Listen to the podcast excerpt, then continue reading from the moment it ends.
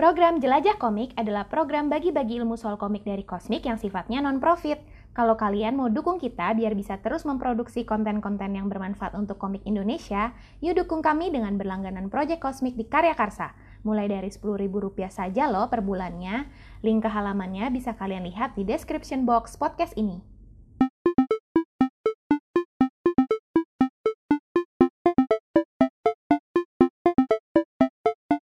Halo lagi semuanya, selamat datang kembali di Cosmic Ngepot episode 8 Masih bersama Nana dan masih bersama Dewi juga Masih, semoga Sama jangan bosan Dewe, seperti iya. biasa. Karena untuk episode yang ini kita masih ngomongin soal karakter dan topiknya adalah 10 karakter fiksi favorit project Jadi 10 karakter fiksi itu dari gue 5, dari Dewi 5 Project ya itu saya dan Nana. Project. itu dari DW 5 dari gue 5 gitu ya dan eh, setiap karakternya itu ada role-nya kita udah nentuin kayak 5 role masing-masing yang nantinya kita akan bahas kenapa kita suka karakternya dan gimana mungkin itu bisa di apa yang bisa diambil dari eh, si karakter development itu yang mungkin works juga buat saat kita bikin karakter kita sendiri gitu. Jadi di episode ke-9 komiknya eh, di Cosmic Explore kita sudah bahas tentang gimana kita eh, mengaplikasikan si origin story dari karakter itu jadi penampilan fisiknya. Dan kita juga udah belajar bahwa cetakan karakter yang terlalu seragam itu tuh bisa jadi membosankan di cerita. Jadi ada beberapa cara supaya kita bisa menggambar karakter yang rupanya berbeda-beda. Misalnya dengan menggunakan perbedaan bentuk fisik yang sangat ekstrim atau menggunakan karakter siluet. Tapi kalau genrenya mungkin lebih serius, mungkin kita bisa menggunakan pembeda yang lebih em, tidak terlalu kentara gitu ya. Dan kita juga bahas di sini tentang adanya karakter archetype yang eh, sudah banyak digunakan dan jadinya kan bisa dikenali pembaca sebagai pemandu. Jadi si archetype-nya itu akan menjadi pemandu bagi pembaca untuk lebih mudah mengenali sebenarnya karakter ini eh, sifatnya seperti apa melalui rupanya gitu.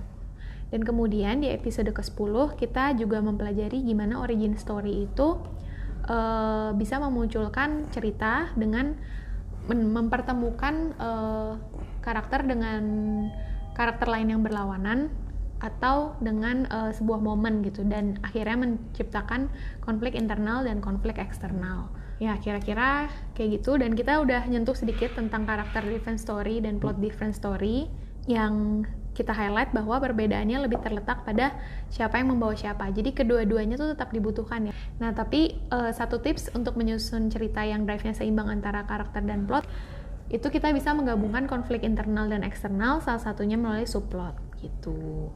Nah, dari ulasan tadi, langsung aja kali ya. Kita mau bahas sedikit tentang karakter archetype and karakter role. Karena tadi kan udah dibahas dikit tuh. role ya. Hmm. Weh, kan kita sebenarnya pas kemarin ngomongin di first character movement kan kita udah bahas dikit tuh tentang perbedaan stereotype sama Oh, iya, archetype ya sebenarnya.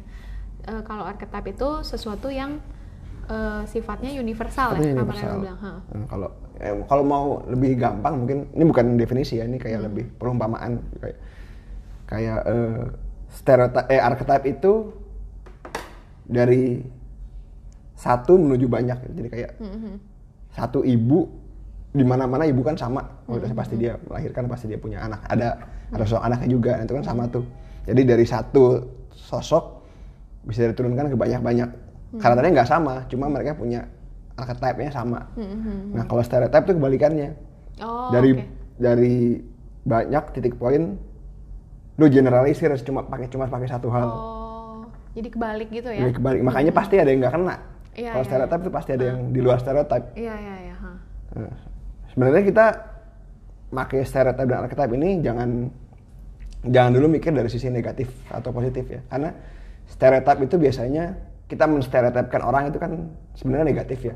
Kayak orang itu pasti unik. Jadi nah tapi dalam dalam penulisan sebenarnya kalau pintar kita bisa pakai ekspektasi orang terhadap stereotype dengan eh, karakter kita. Jadi kayak kemarin kayaknya udah kebahas juga ya. Mhm.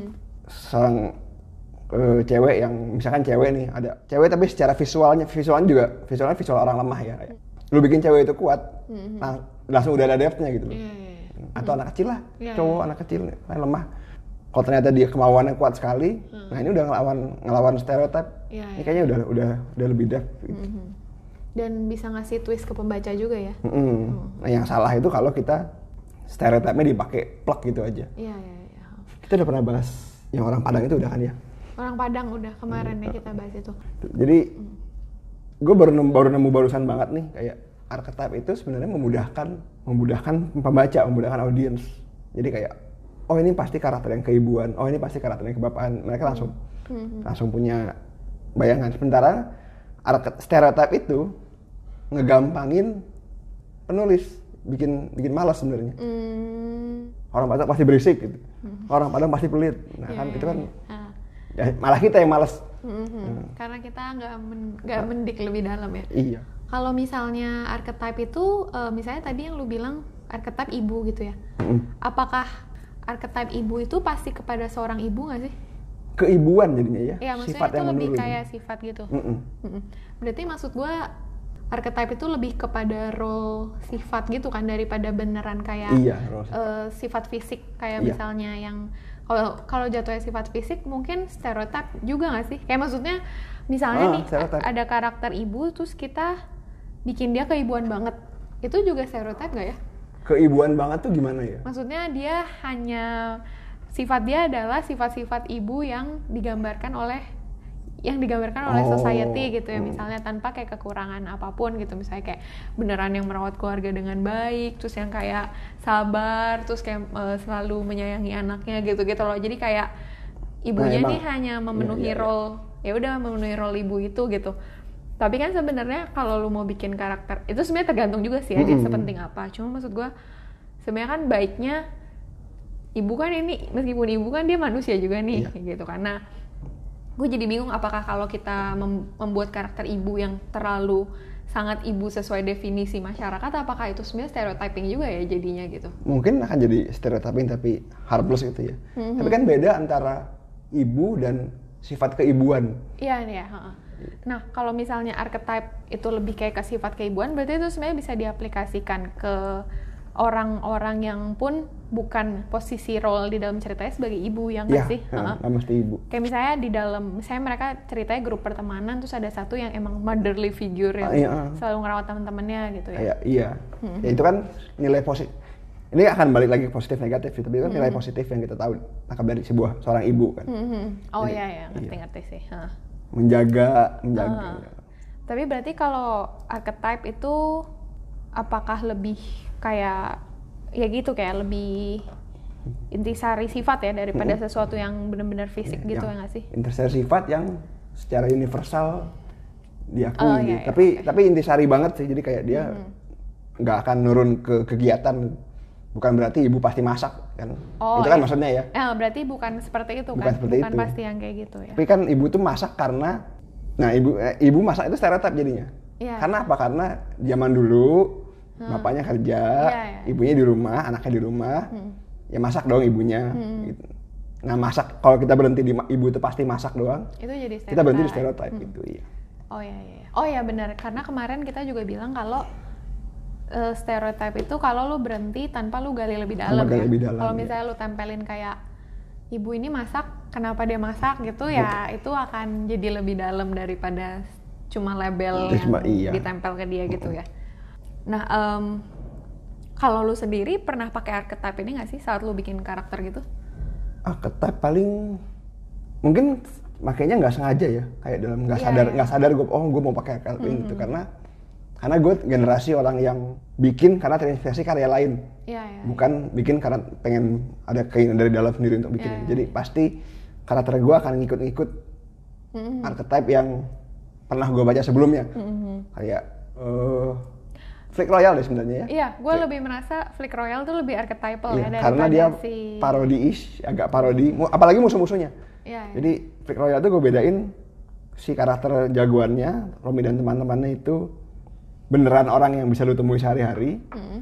Musuhnya parodi semua. Oh gitu. Musuhnya yang kayak absurd Iya, banget pada yang- pakai topeng. Iya, Ini parodi parodi archetype dari musuh-musuh yang biasa lo temuin di anime atau manga. Iya, iya, iya. Ada yang gede banget, kopi kuat, ada yang pakai topeng lah. Iya, iya. iya. Kalau mau tahu archetype banyak, silakan baca TV Trope sebenarnya banyak.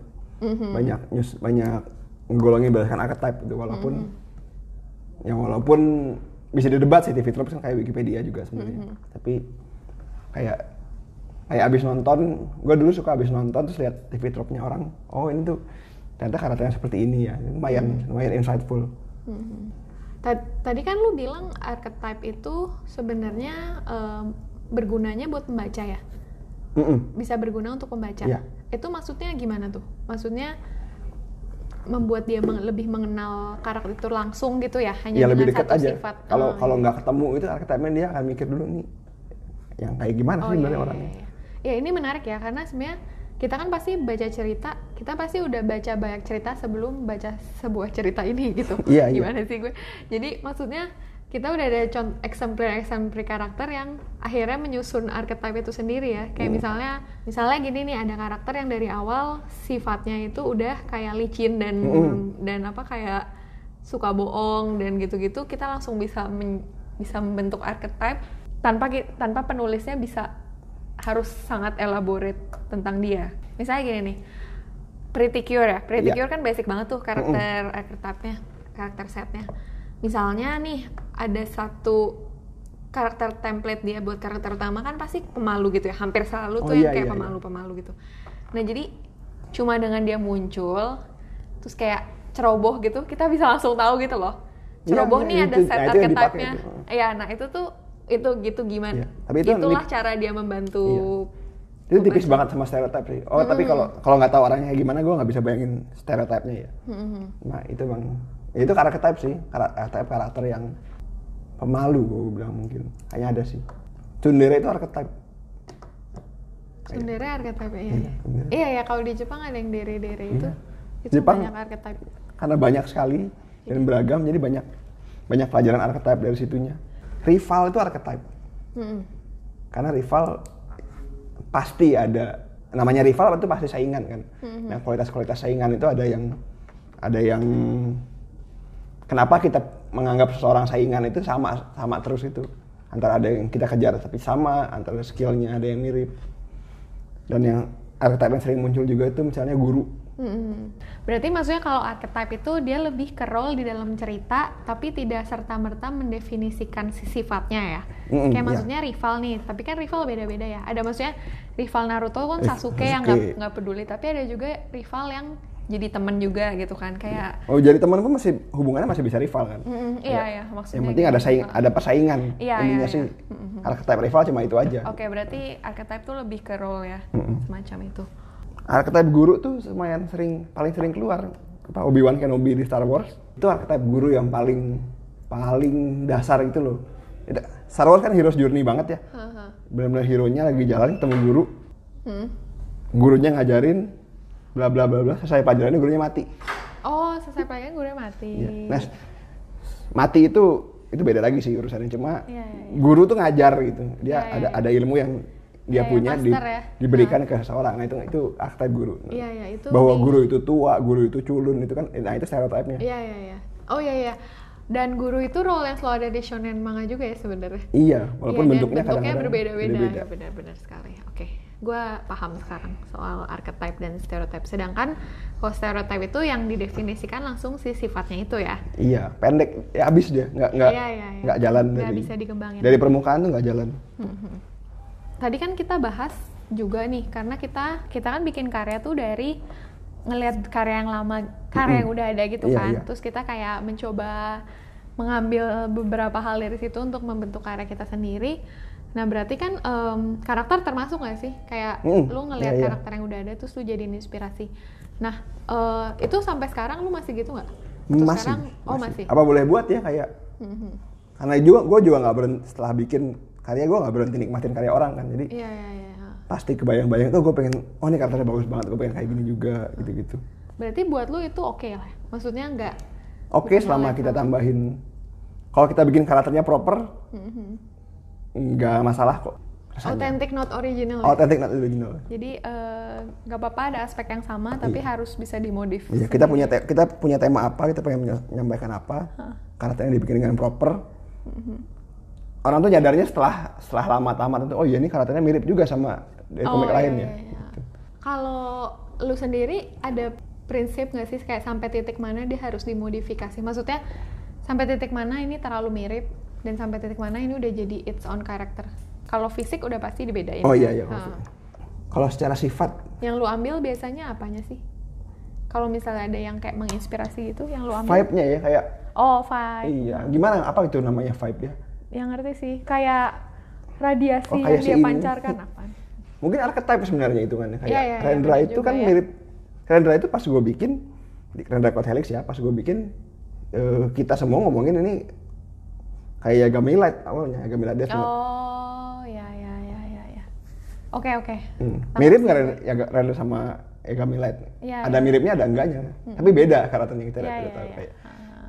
Kalau bikinnya ya kan dia satu anak Jepang satu anak sini aja udah beda gitu. Iya, iya, iya, iya, iya. Yagami Light keluarganya apa, Rendra bisanya apa, nah itu udah udah beda lagi. Iya sih. Padahal mulainya dari dari karakter yang sama. Hmm. Sebenarnya ini eh, kita nanti bakal ada komiknya sih, nggak dalam waktu dekat. Cuma eh, nanti tuh kan akan ada komik tentang mood board ya. Mm-mm. Mood board itu kan untuk World. mengumpulkan riset hasil Iya, iya, referensi visual gitu kan. Tapi sebenarnya eh, referensi visual itu dikumpulkan juga untuk mendapatkan si vibe itu kan. Karena Mm-mm. maksudnya misalnya lu mau bikin karakter kakek-kakek nih, tapi kan kakek-kakek banyak nih. Ada kakek-kakek yang baik, Ada yang ada baik, ada yang kakek-kakek yang lemah, ada kakek-kakek yang galak gitu kan. Nah, lu mau yang mana? Sebenarnya Eh, prinsip gue itu jangan sengaja ngebedain sih sebenarnya. Oh malah gitu. Iya. Ini ini gue sendiri ya. Gue nggak tahu kalau orang lain gimana. Cuma gue misalnya gini, lu suka banget sama karakter Obi Wan Kenobi dari Star Wars.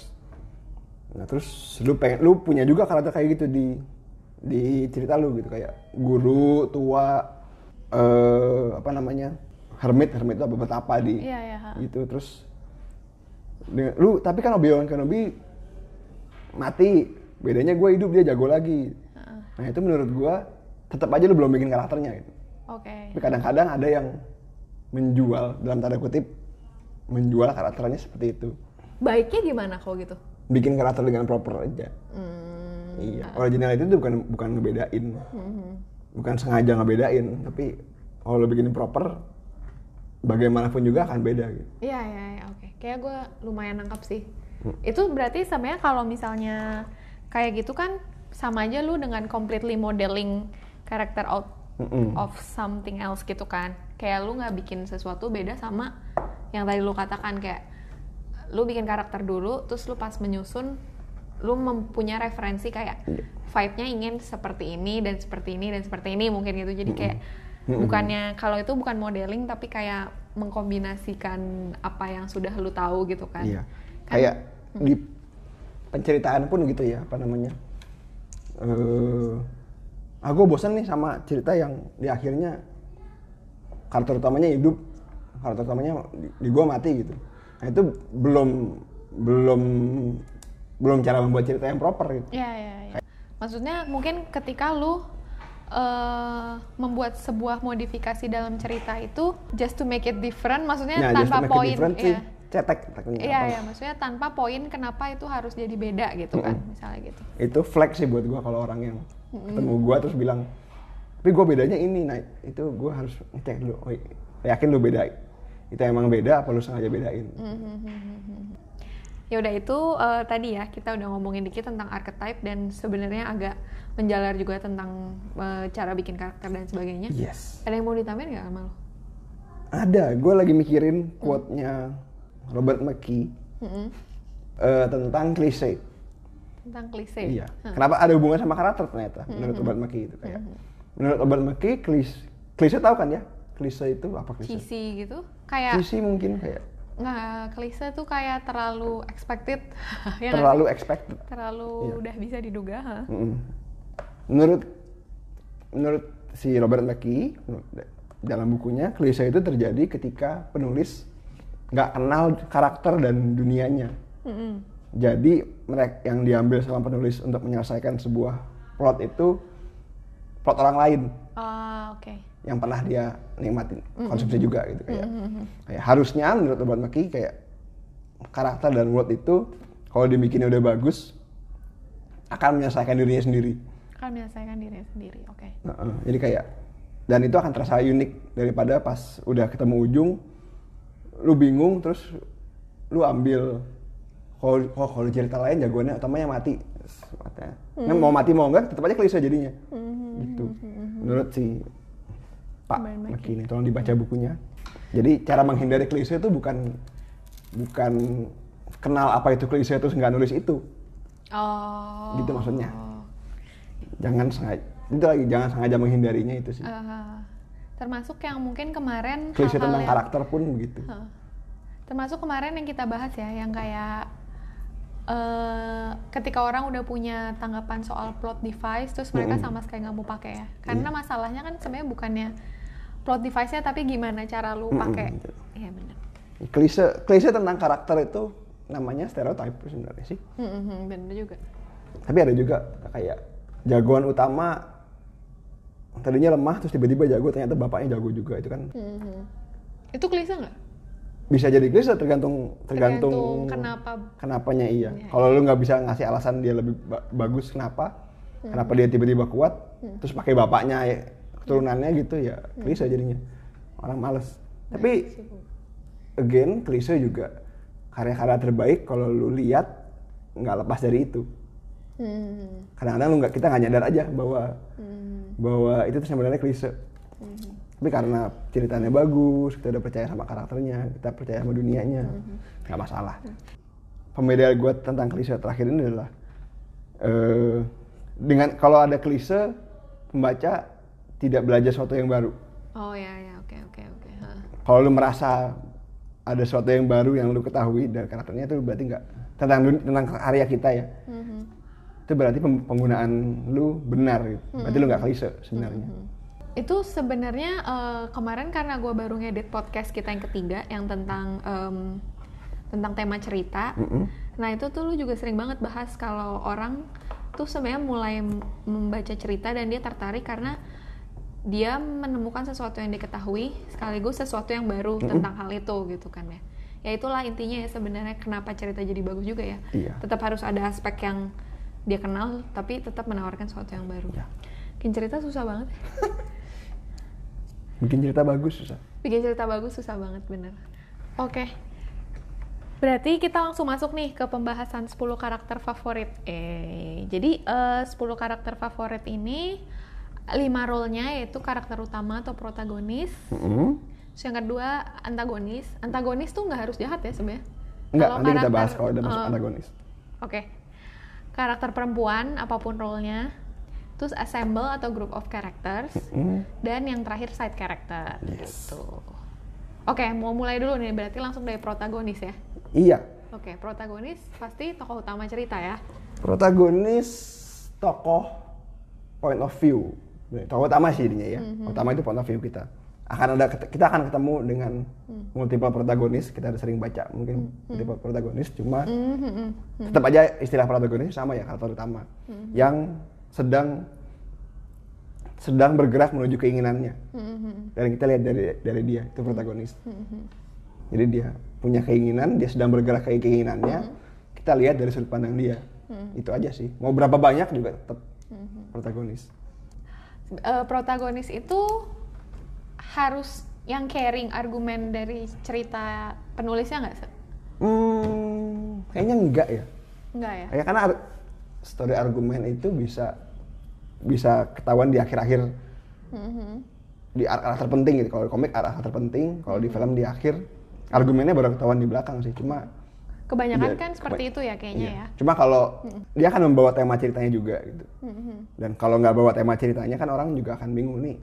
Apa sih? Iya, heeh. dia akan membawa tema ceritanya pasti. Iya. Cuma apakah argumen di akhir itu malah berseberangan sama dia atau enggak itu nggak menentukan, menentukan, protagonis kan? Maksudnya protagonis bisa aja mempunyai role yang berbeda dengan si argumen argumen iya. ceritanya gitu kan. Kalau karakter protagonis pilihan lu apa berarti? Lu apa? gue dulu gue mau gue agak panjang nih. Jadi sebenarnya gue ada beberapa kandidat. Ya, jadi tuh gue ada kandidat terus gue terakhir memilih seseorang gitu. Pertama tuh Senku. Jangan lu ada Senku? Oke. Oh, nggak tapi Senku nggak gue elaborate. Jadi Oke, nanti iya, lu, iya. lu aja yang elaborate. Kalau gue cuma em, karena dia eh, Senku simply karena dia di Shonen Jump di mana Mm-mm. biasanya karakter utamanya itu ngandelinnya kan lebih kayak ke fisikal ya. Iya. kayak antara kuat banget atau cepat banget atau apa tapi dia ngandelinnya otak gitu Pinter dan banget. justru side karakternya itu yang nyediain sih uh, physical feature-nya Iya. gitu nah itu menurut gue unik sih Uh, terus kandidat lainnya tuh ada uh, Miha Siren yang dari uh, anime Big Wind Big Wind Up Big yang gue suka ya. itu yang tentang baseball. Kalau dia karena developmentnya bagus aja sih. Karena menurut gue si pengarangnya itu memang bagus banget karakter dev uh, Hmm. bikin karakter desain dan karakter developmentnya tuh bagus banget semuanya. Terus karena propsnya tuh hardworking main karakter itu gue suka banget. Oke. hardworking main karakter tuh kelemahan gue banget. Nah tapi yang gue suka juga adalah di dalam si Big Wind Up ini kan dia sebenarnya main karakter. Tapi role dia itu sama sama yang lain. Jadi gimana ya? Dia tuh selevel sama side karakternya Hmm, gue ngerasanya. Jadi nggak dia yang lebih hebat atau dia yang sangat di elu-elukan anak gitu. siapa gitu. Iya. Karena kan biasanya emang ada kecenderungan kalau main karakter itu punya kekuatan spesial yang em, Hmm. tidak dimiliki orang-orang lain misalnya gitu ya. Ya dia juga punya, tapi yang lain juga punya gitu loh. Jadi karena mungkin karena genrenya seinen juga sih. Jadi bukan yang sangat kayak wow kayak adventurous banget atau gimana. Tapi gue ya? Iya, Oku- Ofuri kan seinen. Makanya gue seneng karena eh, justru gue seneng karena itu, karena justru dia terlihat level sama yang lain. Yang lain eh, side karakternya itu juga dapat eh, keistimewaan dan Mhm. akhirnya itu buat gue malah lebih menarik gitu. Tapi dia ada ada extraordinary ordinary-nya? Ada, ada Apa juga. itu? Ada ya? Ya dia kan pitcher ya. Nah, Oh. jadi yang kalau kalau di kalau di baseball kan pitching yang bagus tuh pitchingnya cepat ya. Mm-mm. Dia tuh pitchingnya nggak bisa cepat, tapi dia tepat Oh, Jadi em, era lemparan dia tuh kayak kayak sembilan zona gitu, tepatnya tepat tepat banget. tepat banget. Eh, dan- Nah, oke. Ya, karena ya, itu dia latihan sendiri selama ini, Nah, pakai dia. kayak mesin gitu. Nah, makanya itu itu sih keistimewaannya. Gitu. Jadi, tapi dia bukan yang kayak pitcher bisa betting juga, bisa catcher Oh, iya, iya, gitu. iya. Jadi Intinya- kayak intinya hmm, ada extraordinary-nya sih. Mm-mm, tapi jadi rata gitu loh. Karena sebenarnya ada karakter side karakternya yang malah kayak lebih jenius dari dia gitu. Tapi itu malah gue sukanya gitu. Tapi akhirnya gue memilih bukan. bukan bukan. Padahal udah dijelasin panjang banget ya.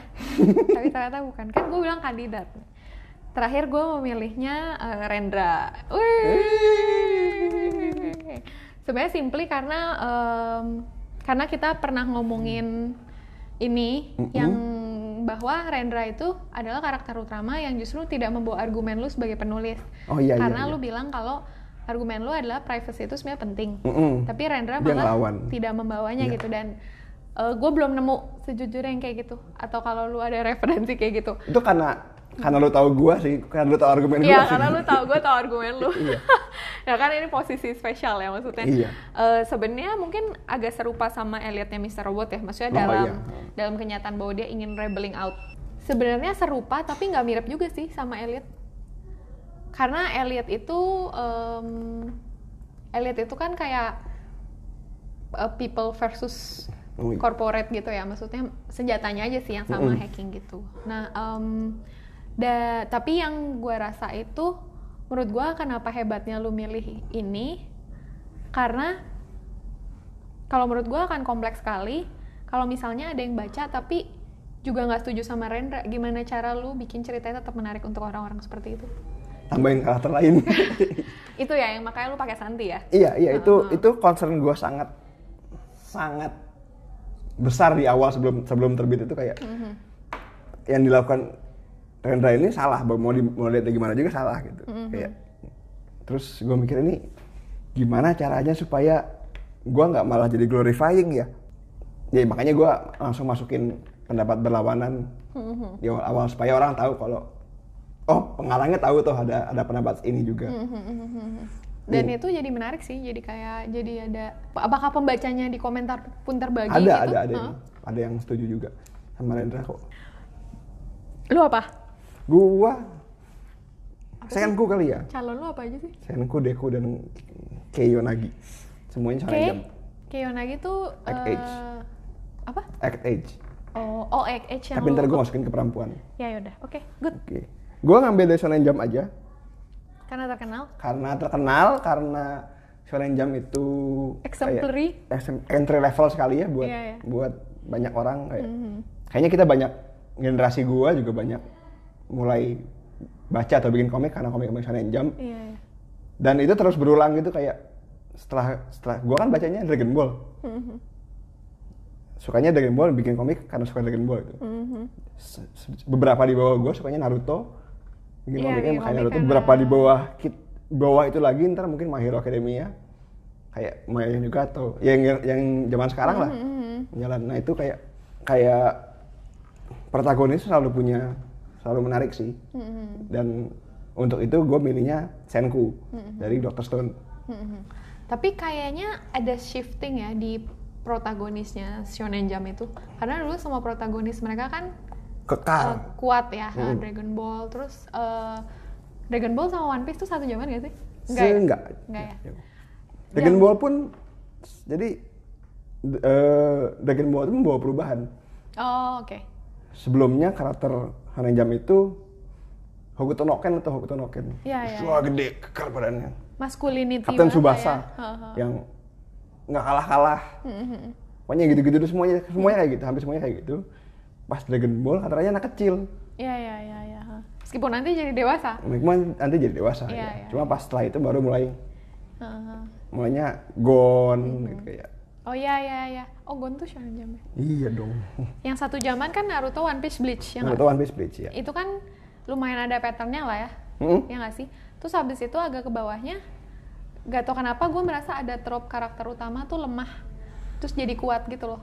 Iya. Jadi dia bukan start strong, tapi dia start weak, terus dia weak banget. Terus habis itu dia jadi kuat kayak Deku. Deku, Deku sebenarnya generasi ini sih, cuma menurut gue masih agak Ya mirip mungkin ya mungkin itu yang Katekyo, Ya, Shield. itu tuh itu tuh mirip-mirip deh maksud gue deket-deket gitu keluarnya yang kayak karakter utama yang agak lemah sebenarnya nggak mau tapi pelan-pelan jadi kuat itu Iya. kayak Mungkin itu deket-deket. Mungkin itu yang dibutuhkan sama anak-anak Jepang pada Iya, masanya iya. ya. maksudnya mereka kayak ada shifting zaman Kayak gitu Kamen Rider pun begitu dari dari orang yang sangat ideal kuat banget sampai hero itu kan gitu ya dari tadinya dari dari karakter yang ideal sekali sampai sekarang pemahamannya to hero lebih gitu ya pemahaman itu lebih iya bahwa lu pun bisa jadi hero. Hmm, hmm, siapa pun bisa jadi Heeh. hero Dulu kan hero diodolakan, Hmm. sekarang lu juga bisa gitu.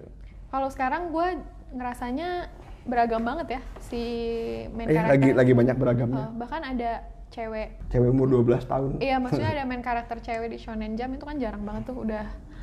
Mungkin karena juga udah masuk komikus cewek ya ke Shonen Jump Iya, iya. bisa jadi.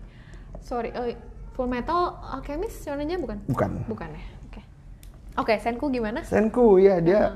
dia sangat Dokter Stone ya, prototipikal prototipi- prototipikal itu archetypal Mhm. archetypal karakter shonen jump sekali gitu kayak extraordinary pasti dia pinter pinter banget Mhm. bersemangat nah ini mulai stereotipnya nih Iya, iya. bersemangat kayak nggak pernah menyerah Heeh. selalu selalu selalu menangnya selalu menangnya pun kayak kayak classic trope gitu loh Iya, iya, iya, iya. bedanya dia kelemahan banget dia lemah ya Iya, fisiknya fisiknya lemah. payah, payah banget Iya, gitu iya, iya. Begitu ada fisik dia nggak bisa sama sekali udahan Iya, iya, iya, iya. Nah itu sih yang yang yang membuatnya menarik adalah karena dia sebagai pelajaran gitu kayak dia punya tujuan, dia titik awalnya apa, nah terus untuk mencapai tujuan itu dia ngedesain ngerancang langkahnya sendiri dari, dari A ke B ke C ke D sampai ke Z baru sampai tujuannya. Nah itu kayak buat belajar tuh enak banget sih Mhm. si Senku ini. Di masa lalunya ada, Iya, iya, iya. masa lalunya tapi nggak membuat dia spesial. Mhm. Ya kan ada dia ada bapaknya. Iya, dia Bapaknya- spesial bukan dari masa lalunya ya. Hmm. Tapi dia kita- nggak ini nggak jelasin nggak jelasin kenapa Tapi spesial belum sih. tahu sih. Kan itu bukan bapak kandung ya. Oh iya. Byakuya bukan bapak. Tapi kayaknya bagusnya kalau nggak dia kalau nggak ada siapa-siapa bawa Sebenarnya gue juga merasa kayak gitu sih. kayak nggak usah tiba-tiba dia Iya. anak siapa gitu. Nah itu pelajaran menarik. Kenapa lu merasa nggak usah dia anak siapa?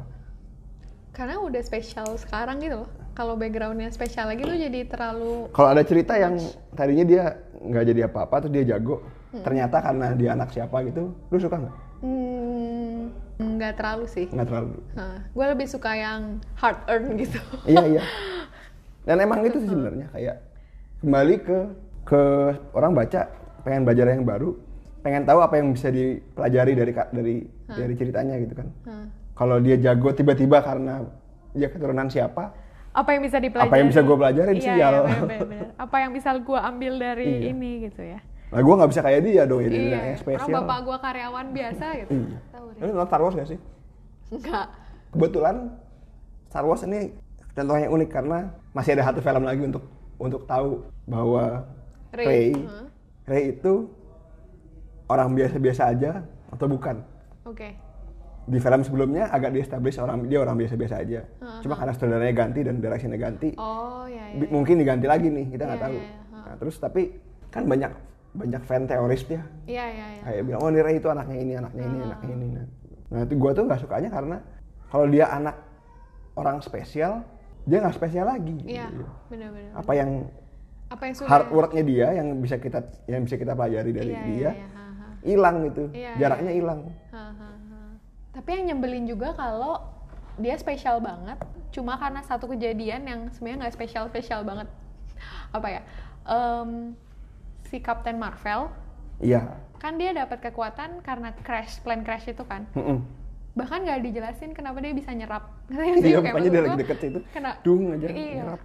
Masa sih cuma karena itu doang? Kayak maksudnya it can be anyone dong, nggak harus dia gitu nggak Iya. sih? Kayak Dan- ada perasaan itu loh makanya. Heeh. dan ada juga kalau kayak gitu ya biasanya yang bagusnya adalah karakternya berusaha earning the power gitu. Iya, kan tadinya iya, dapat iya. kan get doang Iya, iya, nah iya. ini biasanya tentang earning Iya iya iya. Kayak- itu harusnya kayak gitu. Iya, kayak Harry Dek- Potter. Kayak Deku juga kan. Deku Deku tentang Iya, earning ya Iya. ha. Harry Potter tuh tentang earning dia Iya, iya. dia tidak merasa dia dia earn fame segede itu Iya iya benar. Dan dia Oh, insecure banget sama True sama true itu true. Iya iya. kalau tidak earn sebagai penonton atau pembaca juga lu akan merasa di Iya. oh dia sih Oke, berarti lu senku ya? Senku Nggak mau bahas yang lain ya, nggak usah. dari Doctor Stone nggak deh tiba-tiba kepikiran tapi semua semua archetype karakter Shonen Jump sama dan kebetulan Hmm. Senku agak beda karena dia bukan fisik Karena si feature-nya Iya. itu bukan fisik. antinya lu punya karakter archetype-nya bisa sama Mhm. tapi senja- dalam tanda kutip senjatanya bisa beda itu Oh, true true, bener bisa sih. juga beda, beda udah beda sendiri Iya, iya. walaupun Senku sama Luffy sama aja kali Bener bener gitu. bener bener banget sih. Iya iya iya. Yang kedua Gitu. langsung antagonis. Antagonis. antagonis Nah, Antagonis tuh sebenarnya posisi yang berlawanan ideologinya dengan protagonis gitu bukan sih? hmm, mungkin nggak mesti ideologi juga jadi kayak kita pernah bahas premis Mhm. eh, karakter sangat menginginkan sesuatu dengan cara dengan sebuah cara tapi mengalami halangan. Mhm. Protag- antagonis adalah apa pun yang menghalangi caranya. Oh, Siapa pun yang menghalangi caranya kalau karakter. Oh, oh iya ya, itu Yang- lebih tepat sih. Iya. Siapa pun menghalangi cara ya. Mhm. Jadi kalau kalau ada karakter yang ingin menang pertandingan tenis itu dengan cara latihan keras, kalau yang ngalangin lat- ngalangin latihan itu pacarnya, Itu itu pacar. antagonis jadinya. Oh, bukan gitu. musuh di, bukan musuh pertandingannya. Oh, oke. Nah, bedanya antagonis bisa banyak. Haha. Protagonis karena kita karakter point of view, Haha. biasanya at a time cuma satu aja yang kita ikutin. Iya iya iya. Antagonis perannya bisa di banyak banyak karakter. Berarti poinnya itu ya menghalangi, Menghalangi karakter caranya. mencapai goalnya. Mm-mm. Mhm. Berarti kalau misalnya protagonisnya jahat, antagonisnya bisa aja polisi gitu. Iya, Ah ya oke oke. oke. nggak ada hubungannya sama baik jahat sih. Iya iya iya. Cuma karena biasanya point of view protagonis adalah baik, Iya. kita punya identifikasi kalau antagonis itu pasti villain iya. ya oke. Dan nggak mesti di pihak yang berseberangan ya. Mhm. Kayak Oh nggak dalam bisa. tanda kutip, Oke. kalau ininya baik pasti orang baik orang jahat ininya. Oke oke oke. Oh ya catatannya juga itu ya. Iya. Nggak, nggak mesti. Intinya menghalangi caranya aja. Antagonis pilihan lo apa, We? Gua pakai ini antagonisnya agak agak aneh di serialnya. Mm-mm. Jadi King Meruem dari Hunter x Hunter. Oke. Oke, Jadi ini agak non tradisional karena Hmm. di arc Hunter x Hunter ini ini Chimera Ant arc jadi arcnya udah agak jauh gitu dari Hmm. awalnya protagonis sama dia nggak ketemu bukan antagonis dong ya Tapi kan Oh, iya, iya, ketemu, ketemu. iya ya bisa bisa kayak jadi orang yang diiklankan sebagai musuh utama dalam Hmm. ceritanya itu nggak ketemu sama karakter sama protagonisnya protagonisnya Gon Ah. dia jauh banget gitu loh Terus bahkan nggak dikalahin terus gimana? tapi dia tetap menghalangi caranya dia Gon kan mau mau mau ngancurin kerajaan Chimera Ant-nya itu kayak Mhm. kayak monster-monster yang udah terlalu kuat harus dihancurin sebelum dia sebelum dia nyebar ke yang lain kerajanya dia Mhm. ya tetap aja prajuritnya dari dia semua. Tetap aja ngalangin caranya indirectly gitu. Cuma yang yang ngalahinnya bukan bukan jagoan utamanya. Oh yang ngalahin dia bukan Gon. bukan. Tapi dia kalah. tapi dia kalah. Kalah sama? Oke ini ini bagusnya ya. Kayak dia nggak bukan antagonis tradisional itu kayak si King Merem ini kuatnya nggak ada yang bisa ngalahin. Heeh. dan itu konsisten sampai saat akhir. Dia jadi dia raja yang terlahir dari ratu. Langsung udah kuat banget semua orang udah nunduk sama dia privilege banget lah pokoknya udah Iya, iya. wah apa sih ini nggak nurut langsung di, nggak nurut langsung dibunuh gitu. nah terus pada suatu saat dia ngumpulin apa namanya orang-orang jago dari berbagai dunia buat ngalahin dia dengan cara apa pun Oke. ada yang berantem ada yang Heeh. ada yang main apa main apa sampai dia ketemu cewek kecil buta Mhm. yang main main semacam catur di universe dia kalah mulu Dia kalah main catur dia sama kalah mulu cewek itu. dan karena karena kepribadiannya adalah dia bukan bukan tipe orang yang oh kalah lu mesti mesti mati gitu dia kalah kalah oh gue mesti menang Mhm. dia dilawan terus kalah Oh, terus iya, iya, iya. dan dia bingung banget nih kenapa kenapa manusia yang serendah itu udah udah manusia buta ingusan terus kecil ini Iya, iya. ini kenapa bisa kenapa bisa menang ya Iya, iya. nah, akhirnya jadi di arc itu bahkan yang growth-nya paling gede itu dia oke oke oke oke. walaupun dia tetap tetap antagonis sebenarnya. Terus cara dia kalah cara dia kalah sih di boom di bom. iya Oh. jadi kayak karena karena saking kuatnya jadi dia tempatnya di bom terus dia keracun tapi tapi di akhir hidupnya dia memutuskan untuk tetap tetap main sama si cewek itu Oh. jadi dia mati mati di tangan si ceweknya itu Kayaknya tapi di Hunter x Hunter emang banyak antagonis yang menarik ya. Hunter x Hunter karena dia main formulanya gila sih ya Kayak Iya, oh main formula, maksudnya gimana? ganti genre di tengah-tengah Oh, ganti premis ganti genre di tengah-tengah itu bisa tiba-tiba horor tiba-tiba petualangan tiba-tiba crime drama gitu gitu bisa lah gue, aduh, gue antagonisnya ini banget. Gue nggak tahu pas pas pas mikirin kayak bingung terus akhirnya gue memutuskan Thanos aja. oke ya itu bagus Hah. Kalau Thanos karena sebenarnya gue curious banget sih karena akhir-akhir ini kan banyak banget film tentang yang temanya agak environmentalis ya. Mm-mm. Tapi tuh nggak ada yang menang. yang environmentnya ini nggak ada yang menang termasuk Thanos kan. Kalau Thanos, kalau Thanos yang paling gue suka karena em, dia punya tujuan dan setelah tujuannya selesai berani berhenti gitu loh. iya Jadi dia nggak curang sekali apa? curang sekali kayak Thanos yang dilawan di Endgame bukan Thanos yang dilawan Infinity War Iya iya iya. curang banget Iya maksud gue kayak bukannya mm, gue menghargai itu gitu loh sebagai meski, mm, meskipun dia villain gue menghargai menghargai karena dia beneran berhenti gitu setelah itu jadi motif dia tuh beneran motif yang dia bilang di awal gitu Hmm. bukan tentang kekuasaan atau apa gitu dan iya ya kalah kalahnya yang dikalahin bukan Thanos yang Hmm. Bukan di Thanos end. di end. Hmm.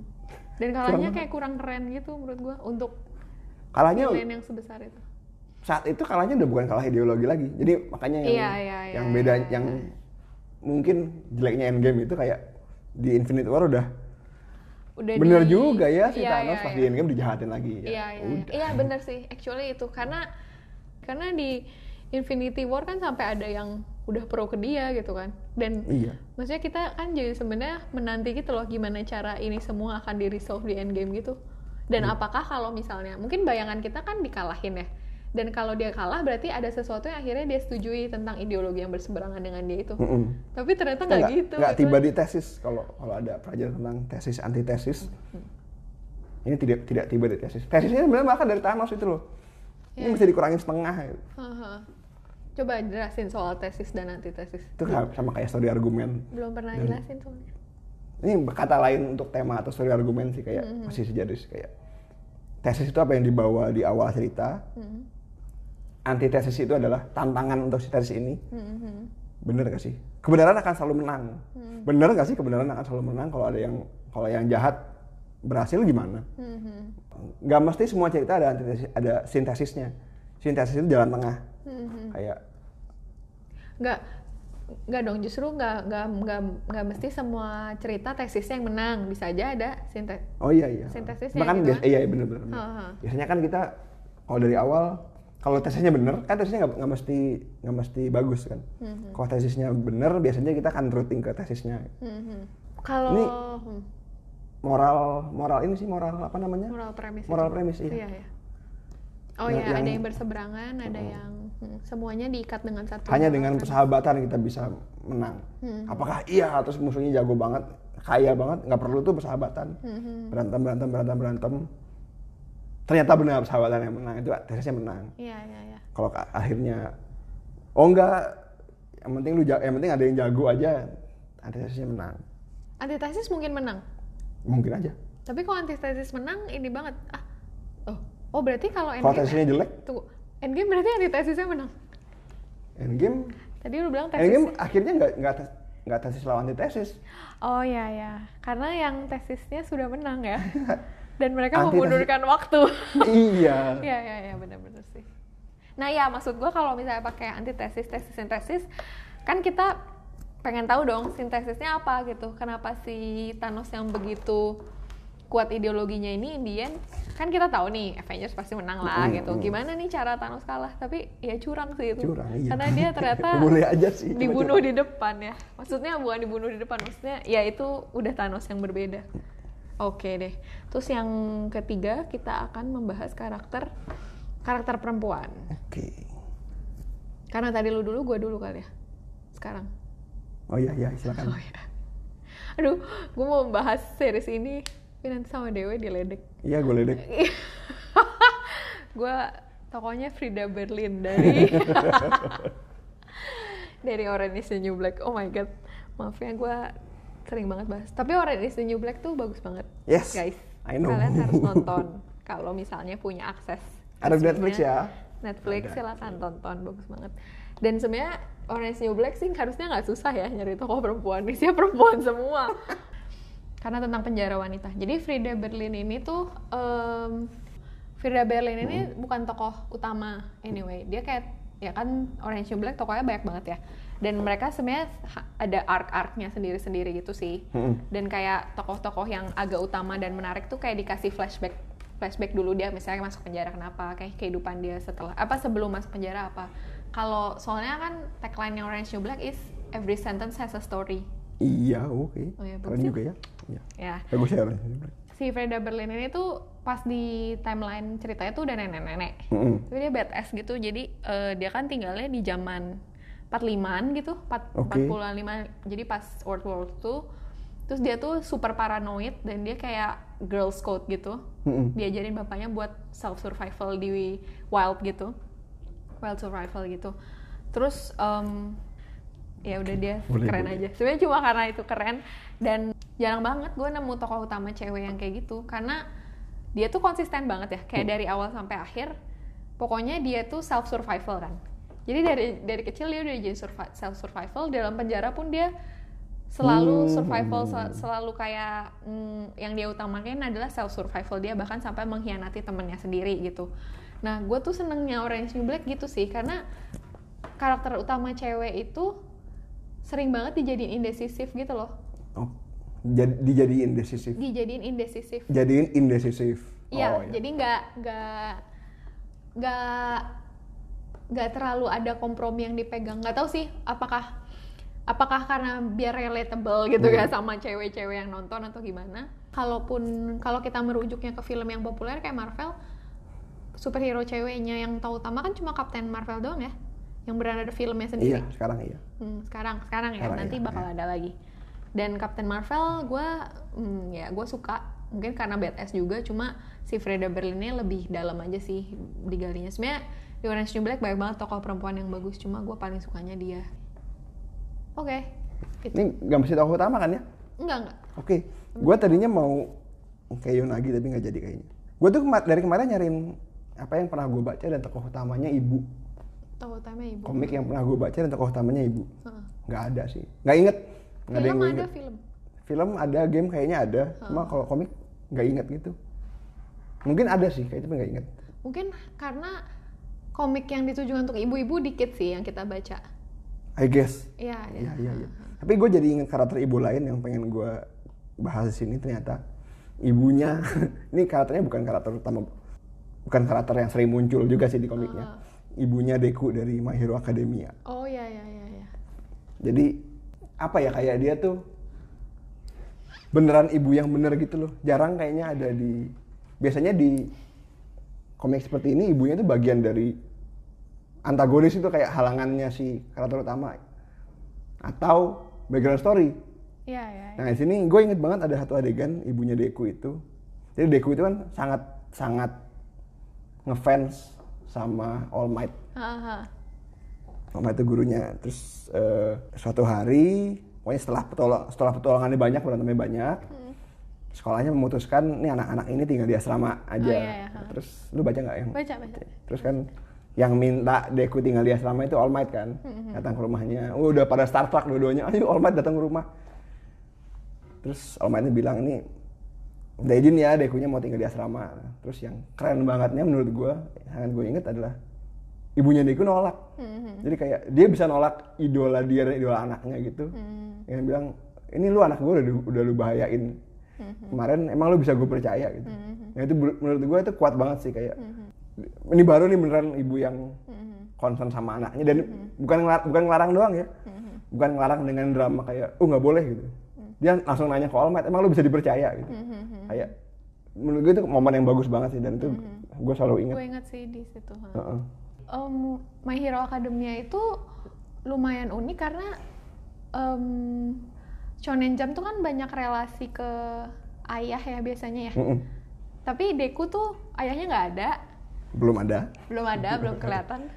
Terus ibunya tuh em, lumayan apa ya?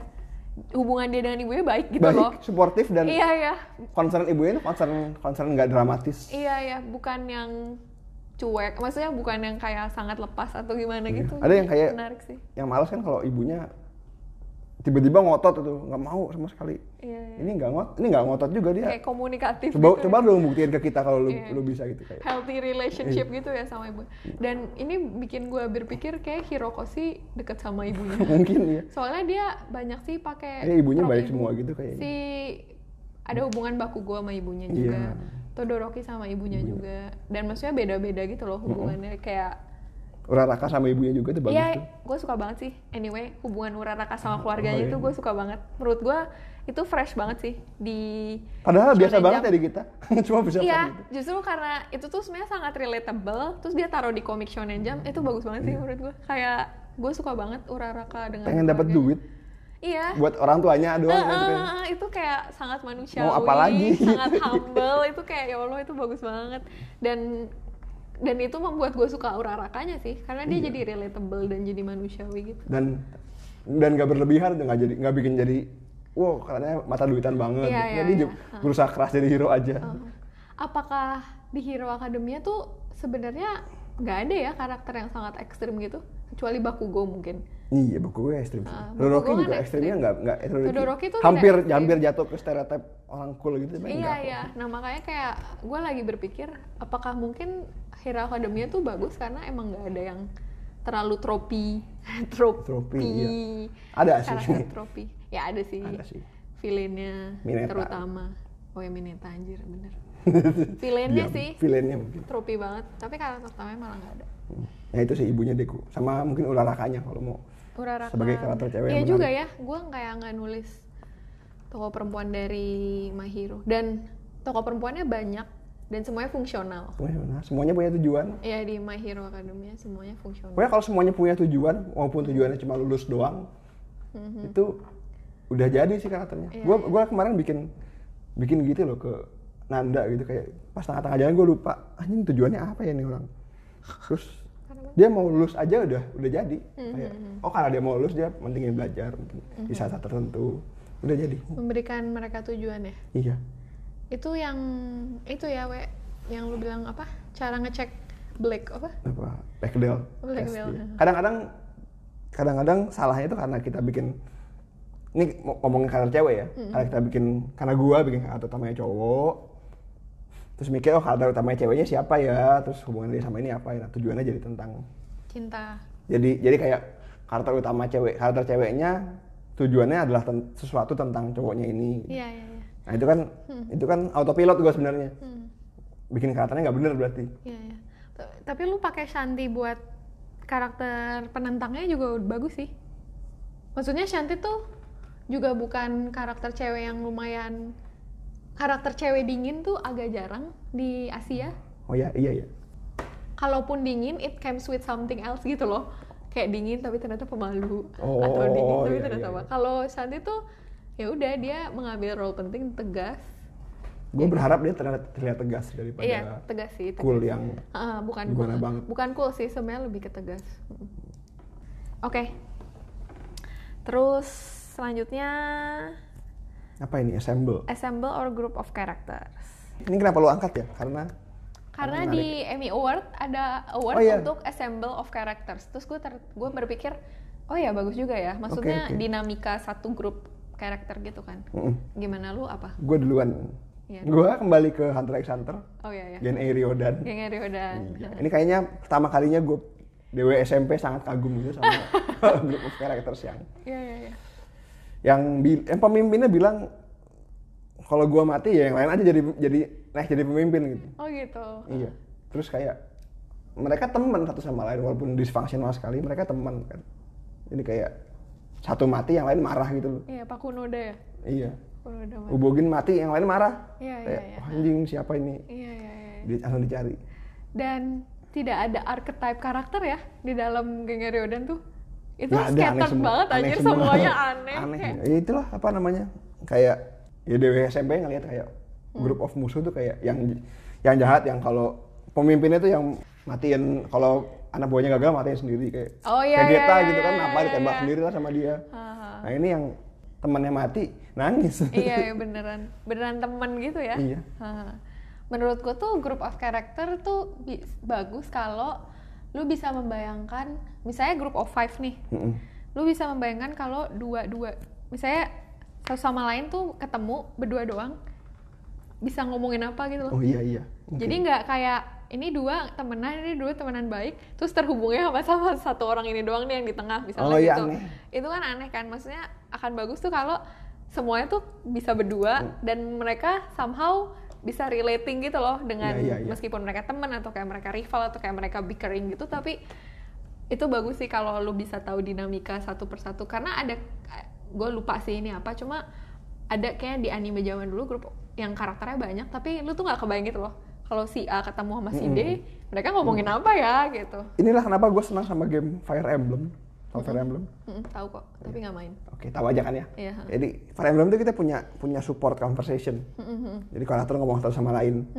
Nah kan kita punya karakter utama juga. Kita punya kita gitu. Eh, kita sama karakter lain pasti ada supportnya. Nah yang gue suka adalah mereka dia ada support karakter lain dengan karakter lain. Jadi kayak hidup banget. Jadi dari interaksinya itu kita bisa lihat, lihat oh ini, oh ini seru-seru banget ya karakternya. Nah itu yang buat gue suka banget. Bener sih tadi. Dua karakternya bisa ditempatin di mana terus ngobrol sendiri. nah Ya, itu kalau grup karakter sebenarnya gue sempat mikir Mishura karena yang tadi terus Kingdom of Science nya Dr. Stone gue suka banget sih Oh iya iya. itu meskipun itu tapi Kingdom of Science belum kebayang sih kayak relasi mungkin karena komiknya face face banget kayak developmentnya tuh bukan Oh, iya. ke arah gitu tapi akhirnya gue milih eh, group of ninja student di Ninja Boy kan gue suka banget yang Ninja Boy terus em, sebenarnya ini agak referensi yang jelek sih karena kayak nggak banyak orang yang tahu Apa? mungkin orang cuma ya itu Ninja Boy Oh, karena Ninja Boy. orang kan cuma nonton pas kecil ya Iya. Cuma sebenarnya di cerita aslinya tuh ninjanya ada sampai kelas 6 gitu. Gue cuma inget tiganya. Cuma em, intinya gue sukanya tanpa gue perlu menjelaskan satu persatu karena sebenarnya alasannya mirip sih sama yang Nishura tadi karena semuanya punya kan mereka semua ninja ya maksudnya ya pasti mereka semua punya talent ya in a way gitu. Dalam dalam expertise ninja mereka semua punya talent masing-masing. Dan itu tuh selalu selalu itu selalu konsisten. Udah running dari tahun 9 udah running dari tahun 93 sampai sekarang tapi karakter tropesnya tuh konsisten dibawa dari satu Wah hebat.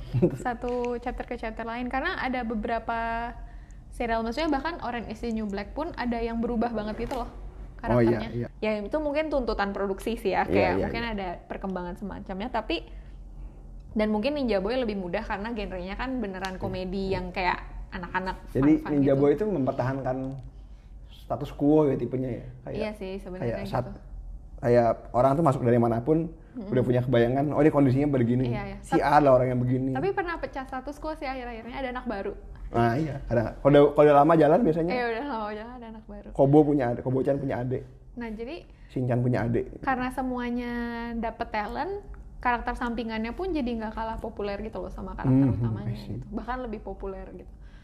Yang terakhir side character. Hmm, oke. Side character tuh yang deuterogonis. Eh, deuterogonis. Deuteragonis bilangnya. Deuteragonis itu tadi apa? Deuteragonis, secondary main character. Jadi second most important character. After the protagonist, before the tritagonist. Berarti kayak Bakugo gitu. Iya, cuma Heeh. cuma kalau untuk penulisan kalau kita lagi belajar tulis kayaknya belajarnya protagonis sama antagonis. Iya. Ingat aja tadi itu protagonis yang ngejalanin Iya, point of view, point of view, antagonis yang ngalangin caranya. Oke oke. Gue side karakternya milih, gue mau milih Samwise Game Gamgee. Wow. Eh, dari Lord of the Lord of Rings. the Rings. Karena menurut gua Sam si Sam itu kan si Sam itu tuh dari kalau lu tonton filmnya kayak biasa aja gitu loh, kayak nggak menonjol, kayak Mm-mm. lucuan juga si Mary sama Pippin gitu kan, Iya, kayak iya, iya. dengan their antics. Tapi dia tuh perannya jauh lebih penting dari kelihatannya gitu, karena ada beberapa kesempatan di mana kalau beneran gak ada dia tuh si Frodo nya collapse gitu loh. Jadi gue Kayaknya merasa dia bagus gitu. Kayaknya Sam itu di Lord of the Rings trilogy dia ngambil pilihan yang lebih menarik daripada Frodo deh. Iya iya. Kayaknya Frodo Frodo nggak ada jalan lain selain dia mesti bawa cincinnya dan buang gitu Iya kan. iya iya iya. Resolve dia malah lebih ken Masih lebih kencang hebat. jadinya, Heeh. iya. Karena dia memutuskan untuk ikut, padahal dia nggak harus ikut. Nggak harus ikut, Iya. memutuskan untuk bawa Frodo terakhir-terakhir. Iya iya. Benar benar benar. Dia pernah pakai cincin juga kalau nggak salah. Kalau di buku dia pernah pakai deh. Oh kalau di film nggak sih? Enggak ya? Nggak. Dan abis itu dikasih sama Frodo gitu kayak. Berarti malah dia lebih hebat ya ininya. Lebih Hatinya. hebat, iya. iya. Dan dinamika sama Frodo-nya menarik sih karena mungkin karena novel jadul ya. Dia kan sebenarnya gardener ya. Tapi temen gitu jadi kayak temennya nggak selevel banget gitu loh. Iya. Temen tapi agak level di bawah gitu. Tapi nggak tahu sih jadi unik banget karena biasanya kan kalau butler totally butler ya nggak teman gitu. Ini kayak butler enggak, tapi teman banget Iya, juga iya. enggak. Manggilnya pakai Mister juga kan ya? Iya, Mr. Frodo. Mr. Frodo. Iya. Iya, Sam contoh yang bagus Itu dan contoh yang Samwise. kayak ngalahin ngalahin resolve resolve nya protagonis iya. iya. Tapi Frodo memang bukan protagonis yang terlalu kuat sih menurut gue. Iya, nyatar aja dia. Somehow menurut gue em, ada beberapa novel yang protagonisnya lumayan tenggelam sama karakter-karakter em, sampingannya gitu. Kayak Harry Potter juga menurut gue gitu. Dia tuh kayak kanvas yang bisa dipakai sama autornya gitu loh menurut gue ya. Tapi Kayak mungkin karena, kalau menurut gue karena Harry. Potter side karakternya bagus-bagus banget sih. Iya. Tapi Harry Potter bukan karakter yang jelek, menurut gue. Harry Potter bukan karakter yang jelek. Bisa karakternya keren, keren bagus-bagus. Iya maksudnya kayak Ron tuh kelihatan banget gitu loh. Oh iya orangnya gini. Hermione oh iya orangnya gini. Harry tuh berubah-berubah banget kayak kadang baik, terus kadang kadang suka marah, kadang sabar. Jadi kayak kayak kayak cuma jadi muka kita gitu menurut gue ya. Kayak biar kita tuh bisa blend in banget sama dia jadi dia sengaja dikosongin. Gue feelingnya kayak gitu. Tapi mungkin karena kita bukan bukan orang Inggris dan nggak mirip Harry gitu, kita masuknya dari karakter lain gitu loh. Bisa jadi kayak Hmm, karakter lebih- yang kita lebih gue mungkin masuk ke Ron gitu kayak lebih relatable sama Ron gitu ya. kayak apa terbebani kakak-kakaknya segala macem. oh nice Harry anak tunggal orang apa anak tunggal orang tuanya meninggal itu gue nggak nggak relate ya iya. lu siapa we Gua kembali ke jam siapa? Usop. Usop, oke. Usop, oke. Heeh. Jadi ini semacam archetype juga sih dia di di cerita yang semua karakternya pada luar biasa kuat. Ada satu bedes normalnya ini. Iya, iya. Kalau di TV Trop namanya bedes normal itu. Badass normal. Dia nggak punya kekuatan super, cuma dia kerja keras. Oh, Aja. iya iya. iya. Gue suka sih karakter kayak gitu. Biasanya kita sebagai orang biasa kita masuknya ke situ. Oh, iya iya iya. Usop itu mirip mirip Watson juga kali sebenarnya Iya ya. iya iya. iya. Usop di One Usop One Piece ya. Usop One Piece ya. kayak kita nggak nggak kayak Luffy Mm-hmm. gitu. kita nggak kayak Zoro yang udah kuat banget kayaknya yang tapi kita masuknya dari Usop yang orang biasa yang berusaha banget Iya, iya, iya. sejajar sama monster-monster ini gitu Iya iya iya iya, oke. kalau Watson ya kita nggak masuk nggak bisa masuk dari Sherlock sih Sherlock tuh aneh banget Iya pikirannya iya benar-benar. Iya, Watson tuh jadi kanvas pembaca memang kan. Iya. Itu tuh itu ada archetype itu itu role dia tuh supaya si Sherlock ngejelasin, jadi jelasin ke Watson tuh jelasin ke kita gitu kan. Sebenarnya Usop sih kalau gue jadi kayak. Oh, ya, iya. Makanya momen-momen momen-momen terkerennya One Piece banyak yang melibatkan Usop gitu. Momen-momen Iya. oh Kecuali- Kalau nggak Luffy Usop. karena tentang determination, hard Iya. work gitu-gitu. Karena ya. dia Usop udah udah udah udah losing banget di dunia yang seistimewa itu dia udah udah nggak bisa apa-apa banget. Jadi begitu dia mengambil keputusan yang yang luar biasa, dia mau ngelawan Luffy pada ada ada masanya dia ngelawan Luffy itu udah, uh keren sekali. Mhm. Gitu. Nah side karakter ini gunanya buat tadi sih kayaknya ya. Kalau kalau kalau karakter utama kita nggak bisa dimasukin, maksudnya relate-nya nggak akan dari karakter utama. Gitu. Mhm. Kalau dia terlalu tim karakter utama kita terlalu kuat, Hmm. nah kita bisa pakai. Oh kita masuknya dari side character. Heeh. Tapi tetap side karakter harus di treat sebagai pas kita bikin kita treat dia tetap aja ada tujuannya, Iya, ada strength ada weakness, biar nggak kosong. Mhm. Biar nggak tujuan itu adalah biar nggak karakter utamanya tujuannya tentang eh karakter sampingannya tujuannya harus selalu melibatkan karakter utama. Oke oke. Ini ngerti, kesalahan, ngerti. Heeh. iya. Justru karakter sampingan pun harus punya tujuannya sendiri ya, Iya. Walaupun ya kalau Po itu supaya dia punya development arc sendiri juga gitu nggak sih? kalau kita perlu dia development arc ada jadinya. Tapi ngomongin side karakter yang tidak tidak berkembang gitu, gue pernah baca kalau Gandalf tuh salah satu tipe flat karakter gitu, karena dia Iya. tugasnya hanya membimbing, dia sendiri nggak punya development atau gimana. Tapi kayaknya nggak ada yang ngarepin Gandalf develop gimana gimana juga. Iya sih, justru dia memang tugasnya itu ya. Mm-mm. Nah, jadi sebenarnya nggak semua karakter juga butuh di develop ya. Iya. Saya sesuai dengan role-nya masing-masing. Kita aja. pengen lihat development Frodo, gitu makanya ada Gandalf di awal, Oh, hilang iya, iya. di tengah, Ah. terus ada lagi. Iya, iya. Udah, karakternya lima itu aja. Ya, jadi eh, udah kita udah ngomongin ya 10 karakter yang tadi dibahas itu dan kita juga tadi udah bahas dikit tentang pengertiannya masing-masing kayak protagonis itu apa, antagonis apa dan kayak eh, side karakter juga manfaatnya dalam cerita itu apa. Oke, jadi eh, sekian podcast kali ini tentang karakter. Terima kasih Dewe sekali lagi sudah bergabung. Jadi seperti biasa mau ngingetin kalau Cosmic Ngepot adalah bagian dari program jelajah komik kosmik atau Project Kosmik bersama dengan Cosmic Explore, serial komik pendek tentang ilmu bikin komik cara kosmik. Cosmic Explore bisa kalian baca setiap Senin dan Sabtu dan Cosmic Ngepot akan dirilis setiap Kamis setiap minggunya. Keduanya bakal punya tema yang berkaitan, jadi jangan sampai kelewatan episode yang mana pun. Oke sekian, jangan lupa keep exploring. Dadah. Program Jelajah Komik adalah program bagi-bagi ilmu soal komik dari Kosmik yang sifatnya non-profit. Kalau kalian mau dukung kita biar bisa terus memproduksi konten-konten yang bermanfaat untuk komik Indonesia, yuk dukung kami dengan berlangganan Project Kosmik di Karya Karsa. Mulai dari Rp10.000 saja loh per bulannya. Link ke halamannya bisa kalian lihat di description box podcast ini.